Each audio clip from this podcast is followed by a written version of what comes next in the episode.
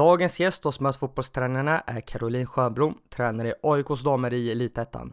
I avsnittet pratar vi om hon någon gång tvivlat på att satsa på en tränarkarriär, varför hon tror det är få kvinnliga tränare, säsongen i AIK med delat tränarskap och fördelarna med det. Sjöblom berättar också om hur det satsar på många unga egna spelare från akademin, varför det får fram många unga spelare, hur du vill spela sin fotboll, hur det skapar ett klimat för både utveckling och resultatfokus. Hon beskriver också sin roll som spelutbildare på Stockholms fotbollsförbund, vad som kan utvecklas i framtiden och om distriktslag. Glöm inte att prenumerera på podden och följa den på sociala medier.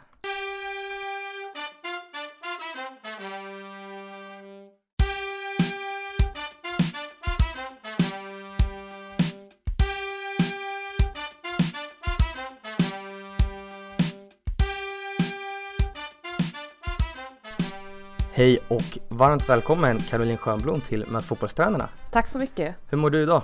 Jag mår jättebra. Det är fredag eh, och jag är väldigt laddad inför helgen. Det är sista matchen i Elitettan för oss. Så nej, men jag är väldigt energifylld idag.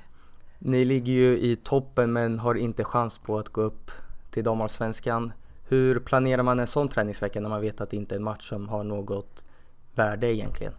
Ja, alltså för oss så har den ju värde för att vi vill ju, vi vill ju väldigt gärna avsluta på, på topp eh, den här säsongen och eh, för oss så har det hela tiden varit väldigt eh, stort fokus på prestation kontra resultatfokus.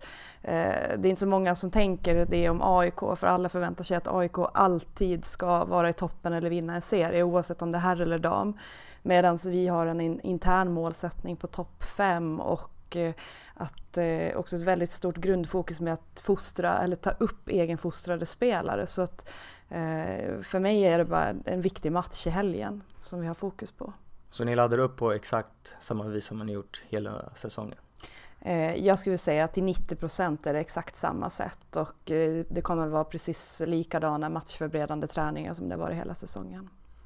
Och det är samma spelare som har spelat under hela säsongen och inte att man luftar sista matchen och låter Eh, nej, jag skulle säga att det är ju träningsveckan som avgör och de spelarna som är fräschast just nu och presterar bäst. Sen kanske lufta är fel ord, men man kanske ger någon chansen som inte har spelat från start hela säsongen. Men det är ju i så fall om hon har varit väldigt duktig under träningsveckan.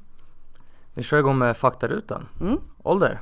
Jag är 30 år, nybliven 30-åring. Grattis i efterskott. Tack så mycket. Familj? Eh, jag har mamma, pappa och bror och ja, det är min familj. Bor? Jag bor i Stockholm, Hägerstensåsen. Bästa spelen du har tränat? Eh, det är en jättesvår fråga för mig, för det är så här, vad är bästa spelaren? Um, och då kanske jag väljer att se det att eh, i träningsmiljö, matchmiljö, alltså den spelaren som ger sig själv förutsättningar till att uh, utvecklas så mycket som möjligt. Och då är nog nummer ett Madeleine Edlund, uh, en spelare som jag hade förmånen att träna i Tyresö. hon kom tillbaka till division 1 med Tyresö efter en mammaledighet då hon hade varit borta från fotbollen över ett år eh, men kom tillbaka och eh, den spelaren och den människan har någonting väldigt speciellt med sitt fokus under träning och match. Eh, det är få spelare som har den typen av glöd i ögonen och det syns att varje träning, varje sekund under träning så vill hon bli bättre. Så det är inget konstigt att hon har vunnit SM-guld och spelat utomlands och vunnit SM-guld med Umeå och spelat landslaget utan det säger sig självt. Och sen är den andra faktiskt Hanna Bennysson eh, i landslagssammanhang då när jag har varit med. Så det är en spelare som också är väldigt, väldigt unik när det handlar om närvaro under träning och hur man uppfattar saker under träning. Favoritlag? Ehm, jag har inget favoritlag. När jag var ung eller barn så spelade jag Fifa och då var det Juventus med Del Piero, Inzaghi och Buffon. Ehm, men sen tappade jag det intresset eh, när jag blev äldre. Ehm, Pep Guardiola säger jag väl, det är han jag följer. Så det har varit Bayern München eller Manchester City, det Barcelona. Det är där Pep är som jag tittar mest. Så då kanske det är svaret på nästa fråga också, förebild? ja, fotbollsmässigt är det Pep Guardiola och hans eh, fotbollshjärna. Um, sen är det så, så, självklart mina föräldrar, för jag tycker de, de är så häftiga med, med, allt de håller på med. De är inte som, som alla andra vanliga personer utan de eh, vågar verkligen vara nyfikna på livet och eh, just nu så har de eh, sålt sitt hus för att eh, bo på landstället och eh, håller på med lägenhet i Spanien och, och massa sådana projekt och jag tycker det är så man ska, ska göra på äldre dagar, att man inte bara nöjer sig i sin lilla eh, stuga där man har bott hela sitt liv utan ja, jag gillar deras nyfikenhet på livet. Ehm, och sen så vill jag faktiskt säga Pia Sundhage. Jag tycker att hon får eh, oförtjänt mycket Eh, kritik. Eh, att hon inte skulle vara en duktig tränare eller eh, att hon bara pratar massa, eh, massa struntprat. Um, och det tycker jag är lite fel för det är synd att den här mediabilden av att hon alltid sticker ut hakan och pratar om feminism eller pratar om, om kärringen mot strömmen och alla de här dokumentärerna som har kommit. Det har blivit lite felaktig bild för Pia är nog en av de absolut mest ödmjukaste personerna som, som är tränare på elitnivå som jag känner. Um, och hon har så otroligt mycket kompetens och erfarenhet med sig uh, av att det hon har gjort med USAs landslag, uh, den resan hon gjorde med svenska damlandslaget uh, och nu är hon ju faktiskt förbundskapten i en av världens största fotbollsnationer, Brasilien. Så lär man känna Pia så är hon en helt annan person än den som media ja, vill visa att Pia är. Naturgräs eller konstgräs? Jag bryr, mig jag bryr mig faktiskt inte alls om vad det är för, för gräs eller konstgräs eller naturgräs. Det som är viktigt är att det är en bra matta. Sen om, om det är naturgräs, en fin kortklippt eh, Stockholms stadion matta eller om det är en ny fin konstgräs, det, det spelar ingen roll. Men det får inte vara en dålig filtmatta eller en gropig långklippt eh, naturgräsplan. Det vill jag inte ha. Kostym eller träningsoverall på match? Um, ja, jag, uh, för det första så tycker jag att snygga träningskläder, träningsoverallkläder är det, är det bästa uh, för mig. Men jag vill ju också påpeka att det finns ju inte tränarkläder för kvinnor. Så det är ganska svårt att ha snygga Nike-kläder eller Adidas-kläder för att det är liksom kvadratiska herrtröjor och herrbyxor som vi kvinnliga tränare får gå runt med. Så jag hade gärna önskat att det hade funnits eh, kvinnliga tränarkläder. Um, om man ska ha kostym, ja visst är det snyggt men jag tycker att man ska förtjäna den där kostymen. Jag, jag tycker det är nästan löjligt när det springer runt massa med, med kavajer eller kostymer och man håller på att åka ur en serie. Uh, man ska förtjäna sin kostym. Uh, jag har minne från min spelarkarriär när tränarna hade mer bekymmer med att uh, kavajen eller kostymen inte skulle bli skrynklig på, på resan till matchen än att kanske prata med individerna i laget. Så eh, se till att du förtjänar din, din klädsel. Vad gör du på match då?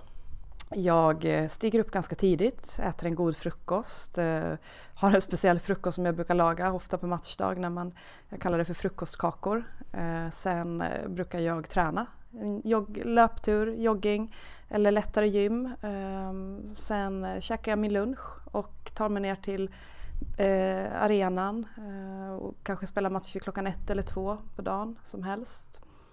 Är där och dricker kaffe, tar det lugnt, hälsar på spelarna. Eh, sen eh, är det ju match och då är jag ganska passiv under själva uppvärmningen. Jag, ibland är jag med och, och ropar lite under spelet och så men jag, jag, tycker om att vara ganska, bara glida runt och, och, och mysa. Under matchen är jag väldigt aktiv. Um, och eh, försöker leva mig in i matchscenarierna och beroende på vilken energi jag behöver, behöver ge till spelarna och till laget. Eh, efter match är jag väldigt urpumpad på energi och ganska tom. Eh, min hjärna brukar inte funka så bra så att ska man intervjua mig därefter så blir det mycket floskler och, och ganska mycket känslor så jag behöver landa några timmar efter matchen. Favoritsyssla utanför fotboll? Ehm, jag älskar att träna, eh, är ja, beroende av att träna, tränar ganska mycket. Eh, löpning, gym, eh, håller just nu på med en kollega på jobbet med brandmannatestet när man ska klara av att ro 500 meter under 1 och 47 sekunder. Så det är det jag håller på med just nu, har de små målsättningarna. Eh, och utöver träning så Eh, ja, men allmänt nyfiken på livet. Jag har ett väldigt socialt liv och eh, umgås väldigt mycket med vänner och hittar på saker. Ehm, så att jag gör väldigt mycket på sidan, utav, sidan av. Hur nära är du att klara tiden? Ehm, jag önskar nog att dygnet hade haft mer än 24 timmar. Ehm, för eh, ibland är det svårt att hinna med. Alltså, jag jobbar väldigt, väldigt mycket. Ehm, så jag eh, hade, jag hade gärna haft flera timmar på dygnet.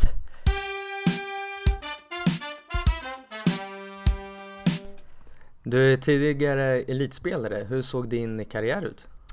Eh, min karriär är att jag är från Åland, det hörs säkert lite i dialekten, så att jag är uppvuxen på Åland och eh, hamnade tidigt inne i senior och elitfotbollen, för så är det, är man duktig på Åland så då, då blir man uppflyttad, precis som det är på en liten ort i, i Sverige. Så tidigt upp i elitfotbollen, spelade i Talangakademin också, så jag fick träna på skoltid.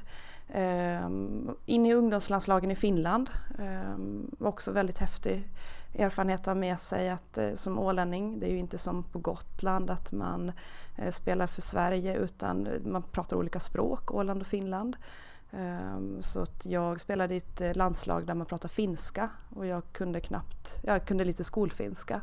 Eh, så det var en otrolig utmaning att spela med spelare som inte pratar samma språk och även förbundskaptener som kanske inte ens orkade översätta eller kunde prata engelska eller svenska. Så ungdomslandslagen har jag med mig. Um, vann serien med Åland United, uh, fick spela Champions League och har den erfarenheten med, mötte Potsdam, Turbin Potsdam, spelade 16-delsfinal i, i Champions League. Um, jag blev värvad till Djurgården och uh, spelade där i damallsvenskan. Så det är väl lite kort om min spelarkarriär. När slutade du att spela? Um, ja, vad, det är nu typ nio år sedan jag slutade tror jag. Um, och det var väl ett beslut som var, många tyckte det var ganska konstigt för jag var ju på toppen av min karriär och spelade alla matcher i damallsvenskan med Djurgården men kände mig väldigt trött på fotboll och väldigt trött på att prestera på hög nivå, höga krav på mig själv. Uh, hade ganska många dåliga ledare, alltså dåliga tränare år efter år som gjorde att eh, motivationsbristen kom. När kom tankarna att bli tränare? Eh, det var något år efter. Jag eh, bara på ett bananskal halkade in i AIK och fick en fråga där om att gå in i AIKs flickakademi. Eh, så jag kom in till Flickor 99. Det var ett av Sveriges bästa lag just då. jag tror inte de hade förlorat en match på två år. Och jag fick åka med dem till Barcelona och ja, det var en jättehäftig resa och vi tog Gothia Cup-guld det året. Och kände väl där och då att eh, de här spelarna är bäst i Sverige som 14-åringar men det saknas så otroligt mycket. Eh, för de är så pressade och eh, de har föräldrar som pushar dem och vill så mycket. Eh, de mår inte så bra de här spelarna så då kände jag, det var någon glöd som tändes där inom mig att här går det att göra jättemycket och eh, jag har så mycket med mig från min spelarkarriär som jag kan ge till de här spelarna, framförallt ledarmässigt och hur, hur man kan jobba med deras självförtroende och få dem att prestera över tid. Rent eh. konkret, hur gjorde du det? Ehm, det handlar om att möta spelarna och det handlar om att prata med dem. För, för de här spelarna, eh, de, de, det enda de brydde sig om var att prestera på planen och vinna matchen. Och man skulle gärna vinna med stora siffror för det ska gärna vara 10-0 när man spelar i Sankt Erikskuppen eller de här inbjudningskupperna. Ehm, och då det handlar om att prata med spelaren, att sitta ner och ha samtal och, och möta spelaren. Det, det var det första jag började göra. Har du någon gång tvivlat på att satsa på en tränarkarriär? Ja, herregud. Jag, eh, jag skulle säga att det är typ ett och ett halvt år sedan som jag skulle säga att jag satsar på att vara tränare.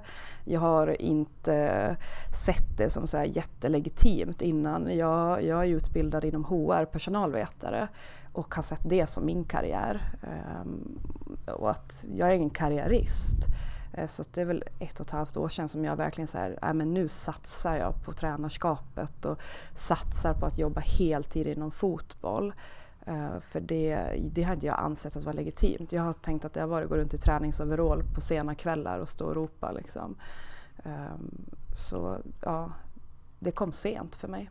Du är en av få kvinnliga tränare på elitnivå. Varför tror du att ni är just så få? Jag har ju haft med Elisabeth Gunnarsdottir som är tränare i Kristianstad och sen så är det en till i LDB 07 va? Mm. Säger man. Ja, precis. Ja. Varför tror du att ni inte är fler? Eh, jag tror det finns jättemånga orsaker. Eh, för det första så elitnivå är ju en sak så att det, det sållar bort ganska många, många tränare. Det är ju inte vilken kille som helst eller man som helst som kan vara tränare på elitnivå heller. Men om man tänker på före detta elitfotbollsspelare, varför inte de blir tränare? Det är ju för att de är slutkörda. De har gett allt, de har slitit på år efter år, ofta för ganska dålig ersättning så de har behövt jobba dubbelt, alltså jobba på sidan av. Eh, det är också väldigt högpresterande människor för att man, man blir elitidrottare på grund av att man är väldigt duktig på att nå mål. Eh, och ska en sån person sen, när den slutar spela fotboll, bli tränare, jag tror inte den tycker det är legitimt. Alltså förebilderna finns inte där, det är en massa män som är tränare. Eh, när de har varit unga så har det varit pappa pappor som har varit föräldratränare. Eh, det är liksom bara Pia och Beta och René som finns där som, som förebilder. Eh, så att jag tror att en elitspelare som slutar i damallsvenskan, hon vill bli jurist eller hon vill plugga det hon har tänkt plugga hela tiden. Eh, skaffa familj. Eh, varför ska de börja lägga ner tid på att bli tränare? Jag, jag tror att attraktionskraften är inte tillräckligt stark för den individen att bli tränare. Eh, men det som jag tycker att behövs, det är ju att hitta de här guldkornen som kanske inte har nått elitnivån. Eh, duktiga ledare som ändå har väldigt bra spelförståelse. För de tjejerna finns runt om i landet. Eh, men på grund av de strukturerna som, eller hur det ser ut i fotbollsvärlden så är det inte lätt att ta sig fram. Eh, för att du behöver jobba otroligt hårt som tjej. Och som kille också självklart, men du behöver jobba väldigt hårt för att kunna ta dig fram och kunna livnära dig som fotbollstränare. Eh, för jag vet så många tjejer som, som sliter och sliter och sliter ehm, men eh, de kan inte livnära sig så att de väljer ju ett annat jobb och de väljer någonting annat, ett, att plugga, plugga någonting annat istället för att lägga tid på tränarskapet. För det, det, vet ju alla som håller på att det är så många timmar man behöver lägga ner innan det börjar ge resultat, innan du kan livnära dig på, på tränarskapet. Fotbollen är ju en väldigt mansdominerad bransch. Mm. Hur är det att eh, jobba inom fotbollen? Um, jag, jag skulle säga att jag är skadad. Uh, för att uh, nu för tiden så tänker jag knappt på det. I början när jag gick sådana här tränarutbildningar, om man var ensam tjej, Ehm, Ehm, jag, jag skulle nog säga att jag, jag hade till stor fördel över att jag har växt upp med en bror och hängt mycket med han och hans kompisar och sprungit runt med dem på fotbollsplanen för det är ett väldigt speciellt klimat. Ehm, och det är ett klimat som är väldigt svårt att beskriva om man inte själv är ensam tjej bland eh, 20 deltagare och de andra är män. Ehm, för att eh, du behöver bevisa någonting. Och sen när du har bevisat så blir du ofta ganska hyllad för att då är det ganska häftigt. Då vill alla att du ska komma till deras klubb eller till deras dotterslag eller, eller så vidare. Så det är en väldigt speciell upplevelse att gå de här tränarutbildningarna när man är typ en eller två tjejer. Eh, men, men, att jobba inom fotboll som är en mansdominerad bransch, eh, det krävs att du sticker ut hakan, det krävs att du eh, orkar hela tiden ta diskussion, det krävs att du gör dig själv hörd. Ehm, så att det, det, är, det är väldigt speciellt. Så att det, är, det är säkert som att jobba på en byggarbetsplats också. Det har inte jag gjort men jag kan bara tänka mig det. Men det är också vårt ansvar som kvinnor att man tar plats, att man inte backar. Utan jag vill absolut inte skylla någonting på, på männen för att eh, männen tar ju plats. Och det är väl upp till oss tjejer också att ta lite mer plats i de sammanhangen. Du har ju gått CBA Elit för före detta elitspelare som är en tränarutbildning. Vad eh, skulle du säga att den utbildningen har gett dig? Den har gett mig otroligt mycket för det var precis där som jag höll på vacklade och kände att jag, jag var ju tränare i Tyresö division 1, eh, tränare och sportchef och kände att eh, jag kanske skulle satsa lite mer på HR-yrket eh, och eh, hade ganska höga ambitioner där. Men då råkade jag eh, komma in på den här eh, CBA Elit då. Och den gav mig så otroligt mycket. Eh, den gav mig en gemenskap att vara med individer som älskar fotboll. Det som är väldigt speciellt med den utbildningen är ju att alla har ju spelat fotboll på elitnivå så att alla är lagspelare.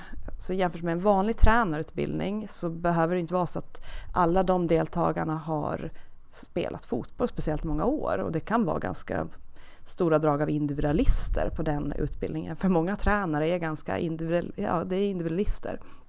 Men på den här CBA Elite, det var ju, det var ju ett gäng lagkompisar.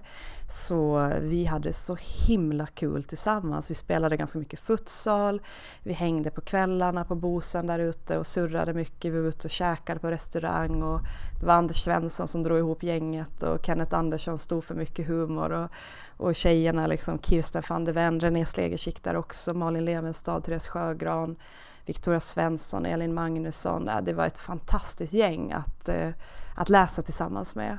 Eh, själva utbildningen är också lite mer komprimerad än den vanliga UFA-utbildningen för att den, den ger ju CBA, alltså att den ger alla de tre, tre stegen. Eh, men det som den också gav var ju väldigt uppvaknande om eh, om hela det här med arbetssättet och hur man verkligen ska nörda ner sig i vad man vill och, och, hur vill du att ditt lag ska spela och hur vill du att eh, ditt lag ska uppfatta dig som tränare. Så att det var otroligt bra utbildning att gå. Hur skulle du säga dig att du lärde dig själva tränaryrket? Eh, jättebra fråga. Jag tror att man, lär sig, man blir aldrig fullärd utan det är hela tiden en learning process. Ehm, det som jag har nytta utav det är ju att, att spela fotboll på elitnivå eh, i kombination med att jag faktiskt har en beteendevetenskaplig utbildning från universitetet med mig i bagaget. Ehm, så att, jag tycker att jag, jag, jag har lång väg kvar innan jag säger att jag ska ha lärt mig tränaryrket. Eh, men innan, innan ja, för, för kanske tre, två, tre år sedan så skulle jag kunna med handen på hjärtat säga att nu är jag en bra tränare. Eh, för det tar ganska många år innan det sätter sig och innan man blir helt eh, bekväm med hela tränarskapet. Och pratar man huvudtränare så, så tar det ännu längre för det är så många olika delar och så många olika beslut som finns med där när du är huvudtränare.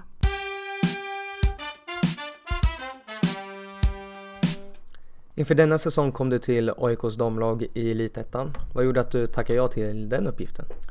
Eh, ja, det var eh, ganska speciellt för att AIK höll ju på nästan på att åka ur serien förra året och de hade gjort en jättestor satsning med många eh, duktiga erfarna spelare som man hade värvat tillbaka eller värvat till AIK och det blev ju helt pannkaka.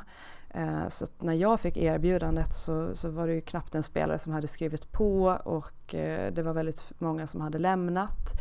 Och det fanns bara F19-spelare i princip som stod och knackade på dörren, alltså laget under A-laget.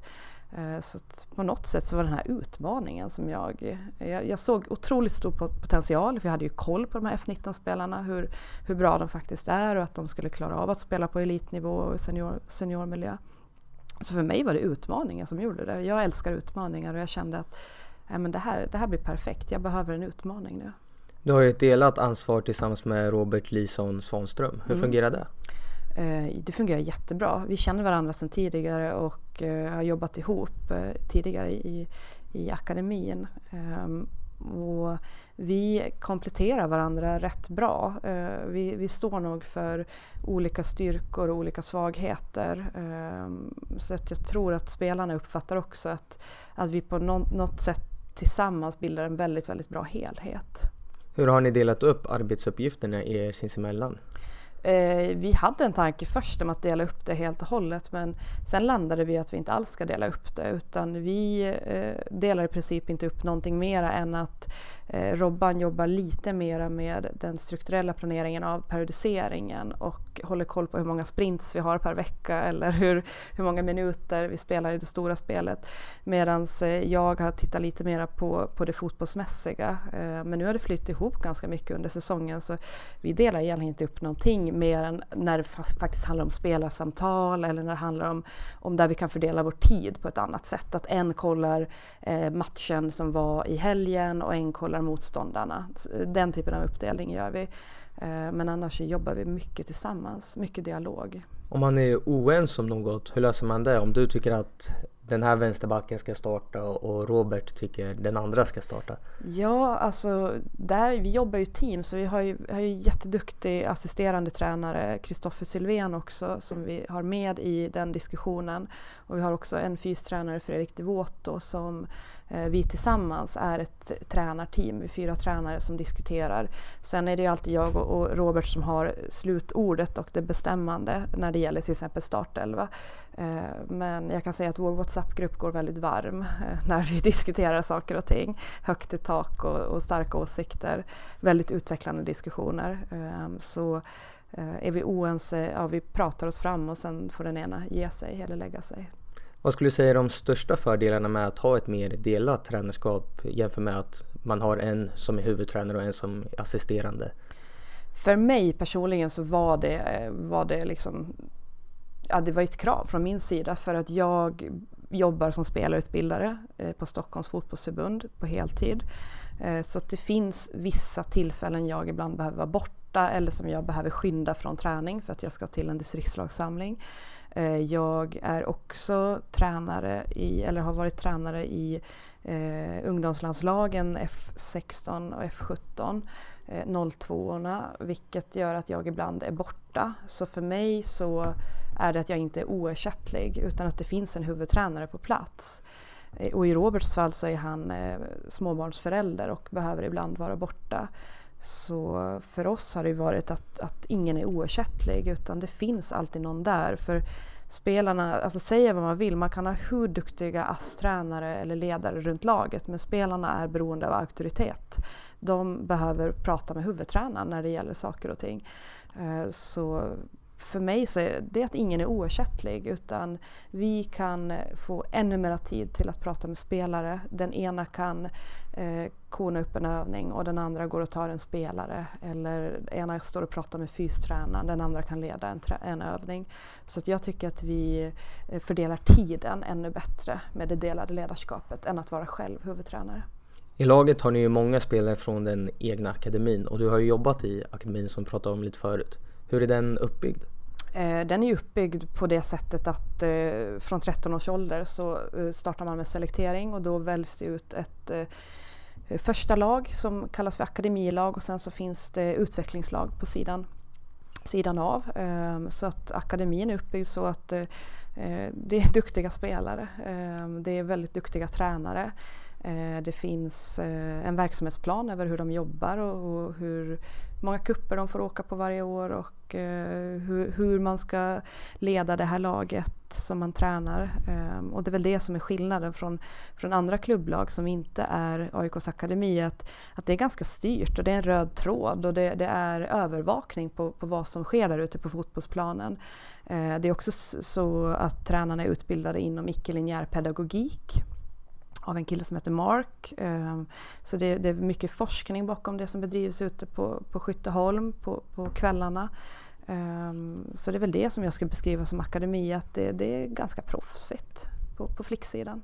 Varför tror du att så många lyckas ta steget från att vara en ungdomsspelare till att få speltid i A-laget? Alltså först och främst så ska man ju sticka under stolen med att har man en bra akademi så kommer det bra spelare dit. Så det är ju det är ett bra underlag att plocka ifrån. Eh, så det, det, är ju inte så att liksom man trollar eh, utan det är bra spelare, det är många bra spelare så det finns ett bra underlag att kunna plocka upp. Eh, men sen så vill jag lite så här, eh, ge beröm till oss själva att vi, AIK är bra på att ha tränare som, som fostrar spelare. Um, och AIK har valt att ha mig och Robert som huvudtränare i AIK Dam. Och vi är två personer som tror väldigt mycket på att uh, spela unga spelare. Uh, att våga spela egenfostrade spelare, att våga spela en, en, spelare som har tagit klivet upp från F19. Att våga ta upp Rosa Kafaji, 15-åringen, och ge henne speltid uh, i damlaget. Um, för det är, eller min syn på, på många lag runt om i Sverige på damsidan, um, att man inte tar hand om sina egenfostrade spelare utan man vill gärna jobba med quick fix, uh, man är stressad över resultat och väljer en äldre eller utländsk spelare före. Jag läste en intervju med dig på svenskfotboll.se där du pratade om rutin inte har något med ålder att göra. Hur pratar ni om rutin mellan dig och Robert? Ja, eh, det jag menar i den intervjun är att Eh, jag tycker inte att rutin har med ålder att göra för att samma, om vi tar en spelare som är 29 år gammal och så håller hon på att skjuta mot mål och så skjuter hon över och så skjuter hon över och så svär hon lite och är irriterad över att hon inte sätter bollen i mål. Medan eh, om man ska ta Rosa Kafaji som exempel, den här 15-åringen, att, att hon, det kanske krävs två skott för henne så märker man att shit jag lutar mig för mycket bakåt. Jag behöver ju trycka ner bollen och jag vinklar foten lite annorlunda och eh, så skjuter hon två låga skott i mål istället. Eh, och, och, vad är rutin i fotbollssammanhang? Eh, jag tycker att det handlar om att, att man på kort tid klarar av att översätta sin erfarenhet eller det man är med om till ett lärande. Eh, och då skapar det ju rutin. Eller är det att ta ut bollen till hörnflagga eh, i match när, i 90 minuten när du leder med, med 1-0? Eh, att man verkligen funderar på vad är rutin? Är det att eh, ha is i magen när det är ett derby? Är det det som är rutin? Eller är det att eh, eh, ligga kvar i formation när du leder med matchen och du behöver liksom stänga, stänga matchen och ligga lågt. Spelarna gör det här själva. Så för mig, jag tycker att vi Eh, i, i svensk fotboll är lite så här, jag tycker vi pratar om rutin, att det handlar om ålder hela tiden och det håller inte jag med om utan det handlar om spelarens egen reflektionförmåga och, och eh, en spelare kanske har med sig mera från att ha spelat Gothia Cup än att ha spelat division 1 massa säsonger. Eh, så jag vill mer att man, man verkligen tänker efter, vad är det jag menar med ordet rutin? Eh, ja. Tror du att tränare generellt är lite för fega för att släppa fram den här unga talangen? Ja, det tycker jag. Alltså man, man eh, vill ju ofta veta vad man får som tränare. Man vill titta in i den här spåkulan och se vad händer om jag spelar den här spelaren för den här. Och det svaret får du aldrig utan eh, jag tycker att man måste våga tro på eh, att ger jag det här till den här unga spelaren så, så kommer det över tid eh, resultera i någonting väldigt häftigt kontra att spela en, en spelare som du vet vad du får. Alltså det är en jämnhet eh, ju äldre de blir. Hur skapar man en bra miljö för de här unga spelarna för att de samtidigt ska ha kul och kunna utvecklas men även ha ett lite resultatfokus för det är ändå trots allt elitnivå? Ehm, vi har jobbat med många olika metoder det här året och, och där är ju en viktig parameter att vi faktiskt har en hel del äldre spelare, eller hel del, vi har flera äldre spelare som har varit rätt personer. Um, för var det någonting som var viktigt för mig när jag kom in i, i AIK Dam så var det att de spelarna som är de här um, spelarna som har gjort svenska säsonger eller de som har spelat länge i elitettan. Det behöver vara förebilder på utanför planen. Så att vi har verkligen fått till det i år med Madeleine Tegström, Matilda Rosqvist, eh, Ehm, jag väljer till och med att säga Therese Simonsson där som är född 98 men i damfotboll så är det ganska många år ändå. Eh, Nicole Modin, det är spelare som, som verkligen är ett föredöme till de här unga spelarna som, som födda 01 eller ännu yngre, 03 till exempel. Ehm, så det i kombination med det ledarskapet som vi bedriver där vi verkligen försöker få spelarna att själva driva sin utveckling. Ehm, det kan vara något som vi har jobbat med som heter 1%. Att vi vill att spelarna själva reflekterar över vad är det jag kan göra lite mer utav eller börja göra för att höja mig ytterligare 1%. För den här lilla 1% kommer ge göra nytta för mig som fotbollsspelare. Och det kan vara att jag stiger upp tidigare på matchdag. Det kan vara att jag tar en powernap innan träning eller att jag gör mina aktiveringsövningar innan uppvärmningen att jag joggar med Madde Tegström, eh, att jag följer henne på intervallerna, hennes tempo. Madde Tegström är en eh, rutinerad spelare som har spelat eh, 120 damallsvenska matcher och återvänder till AIK den här säsongen. Då. Ehm, så den här 1 procenten är någonting. Ehm, sen är det mycket samtal, individuella samtal med spelare ehm, där vi hela tiden trycker på att de styr sin egen utveckling. Vi är deras redskap, vi kan ge nycklar men det är upp till dem om de vill gå långt och hur långt de vill gå. Det här avsnittet släpps på söndag, samma dag som ni spelar den sista omgången i Elitettan. Och tyvärr så har ni fyra poäng upp till att ta klivet till damallsvenskan. Hur surt är det att ni inte har möjligheten att ta steget upp? Eh, ja, alltså, som, jag är ju sån som älskar vinna och jag eh, visst har jag ju drömt om damallsvenskan men eh, behöver hela tiden gå tillbaka till vad är min uppgift? Ja, vår uppgift den här säsongen det var ju att, att bygga en grund. Eh, styrelsen och AIKs förväntan har varit topp fem. Eh, den har inte varit att stiga eller vinna, vinna elitettan för att spela damallsvenskan 2020. Eh, så att huvuduppgiften har varit att eh, utveckla och skapa en grund inför kommande säsonger.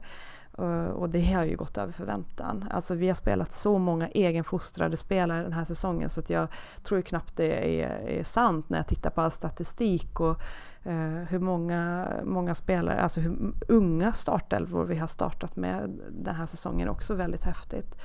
Ehm, så, så ska jag verkligen säga sammanfatta så, så, så är jag jättenöjd utan att vi stiger. Eh, för vi, eller AIK, hade aldrig gått med på att rensa truppen inför damallsvenskan. Eh, vilket man kanske hade behövt göra om vi hade stigit med den här truppen. För den är ju inte redo för att eh, vara i, i mitten eller toppen av damallsvenskan. Vad är det för typ av fotboll ni spelar? Eh, Pep Guardiola. Nej, eh, vi spelar en bollförande, eh, kontrollerad fotboll som är väldigt framåtlutad och anfallsorienterad. Eh, vi, har, eh, vi försöker skapa numerära överlägen i speluppbyggnaden. Vi försöker skapa två mot en situationer eh, på motståndarens planhalva. Eh, vi eh, vill vinna tillbaka bollen direkt eh, noggranna med hur vi positionerar oss för att kunna eh, vinna tillbaka bollen vid övergång av skeden, eh, defi off-positioner. Eh, vi vill ha mycket boll, ja, det är så vi spelar. Spelar ni med ganska mycket risker också? Eh, nej, vi spelar med närhet till boll just för att undvika risker. Eh, det finns ju olika filosofier om just eh, anfallsspel och, och, och bollinnehav där vi jobbar mer med närhet än att jobba med stora ytor och ha, ha, ha bemannade ytor utan vi jobbar med närhet, blir vi utsatta för press behöver vi ha närhet till bollhållare eh, för att just för att minimera risken eh, och minimera pressavstånden. Hur tycker spelarna där att spela en sån här typ av fotboll jämfört med att sitta lågt och kompakt? Jag tror de älskar det. Eh, från, eh, I början av säsongen så tror jag de upplevde att de var lite styrda. Eh, för att det var den vägen vi var tvungna att gå. För att de, de hade inte så mycket med sig från tidigare den här typen av, av, fotboll. Utan det var en längre och rakare fotboll som de flesta spelarna hade i sig. Medan vi kom sen och ville hålla i boll och verkligen hitta rätt läge innan vi, vi kommer till målchans. Eh, så jag tror de kände sig lite styrda, eh, lite som tennsoldater i början och, och, och, kanske inte att de fick utöva den kreativitet som, som de hade velat. Eh, men ju längre säsongen har gått desto mer kommentarer har det kommit att de känner sig väldigt fria. Eh, de kan uppfatta situationer två mot en och hur kan vi vägga oss förbi eller ska jag utmana själv? Eh, och det är väl lite den här icke-linjära pedagogiken som jag nämnde tidigare, att vi försöker verkligen, verkligen komma dit under träning att eh, kan vi manipulera en övning på ett annat sätt än att eh, jag ska stå och skrika eller ge instruktioner om hur de ska lösa situationerna, utan kan jag manipulera den övningen med ytor och linjer eh, eller, eller små mål, eh, kan jag manipulera det med regler så att de själva får lära sig utifrån ett icke-linjärt sätt. Inför nästa år, vad är målet då? Eh, ja, jag är kontraktslös just nu så, så jag eh, ska väl börja förhandla med AIK. Eh, så för mig, jag kan inte riktigt svara på den frågan mer än att jag vet att AIK kommer att vilja bygga vidare och eh, skapa ännu mera eh, tyngd inför att ta sig till damallsvenskan. Men ditt mål är att stanna kvar? Ja, jag trivs väldigt bra så att, jag tror väl att jag stannar kvar om allting klaffar. Om man får drömma om framtiden, vart ser du dig om tio år? Um, ja, bra fråga. Uh, jag ser mig själv som att jag uh, är på landslagsnivå då, tror jag.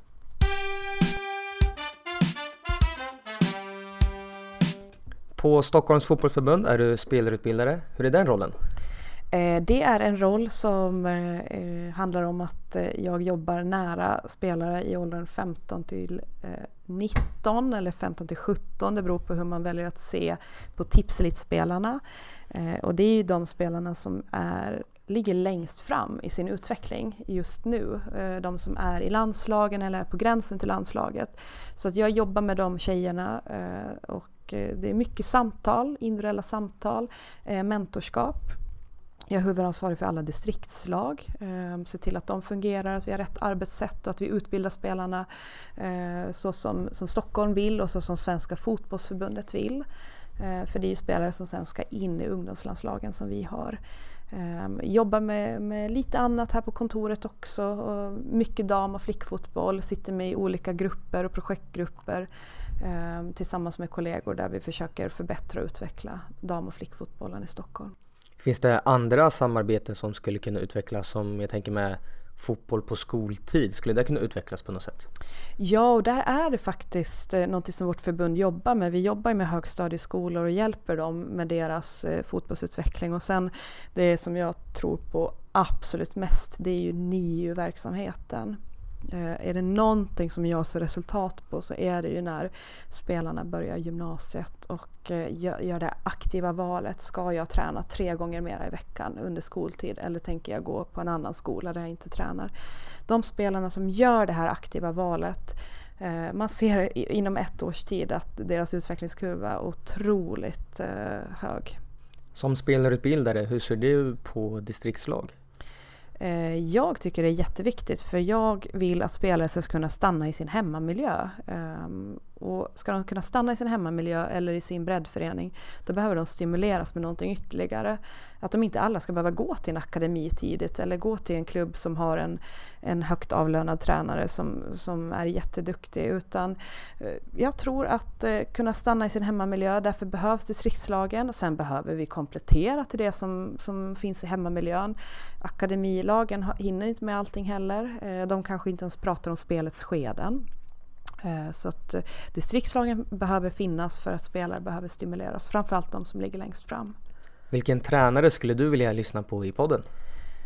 Eh, ja, men då väljer jag att säga René Slegers som är tränare i Limhamn Bunkeflo. För att René har jag spelat med i Djurgården. Det är en holländsk holländsk eh, tjej som eh, har väldigt mycket med sig från sin spelarkarriär. Hon har tagit SM-guld med Linköping, hon har eh, varit korsbandsskadad, hon har spelat i det holländska landslaget. Och nu är hon tränare i damallsvenskan, än så länge i alla fall. De är vid bottensträcken nu. Men hon har väldigt mycket erfarenhet från spelarkarriären som hon har tagit med sig in i tränarskapet. Och hon är ganska bra på att jämföra holländsk och svensk fotboll och eh, ganska bra så här helikoptervy över sig själv och eh, hur jobbar vi i Sverige kontra Holland? Vad skulle vi kunna göra bättre? Hur är de svenska spelarna? Vad kan man lära sig från Holland eller från internationell miljö? Så jag tycker det var jätteintressant med René. Eh, och sen är det Elin Magnusson en kollega från ungdomslandslagen som eh, har varit tränare i KIF Örebro. Eh, hon är NIU-tränare i Örebro och det är en person som jag tror att hade kunnat träna vilket lag som helst. Men hon gör inte det för hon är en förälder. Um, och, och vad är hennes syn på tränarskapet och hur hade man kunnat som klubb eller förening eh, anpassat eller underlättat för en sån som Elin att hon faktiskt kanske hade kunnat jobba som tränare trots att hon har små barn. Eh, för där tycker jag att fotbollen är konservativ och ligger långt efter och det är också ett svar på frågan varför det finns så få kvinnliga tränare. Ja, för att eh, kvinnan har svårt när man är över 30 år och eh, har barn. Bra tips på gäster. Mm. Tack så mycket att du tog dig tid och lycka till på söndag. Tack!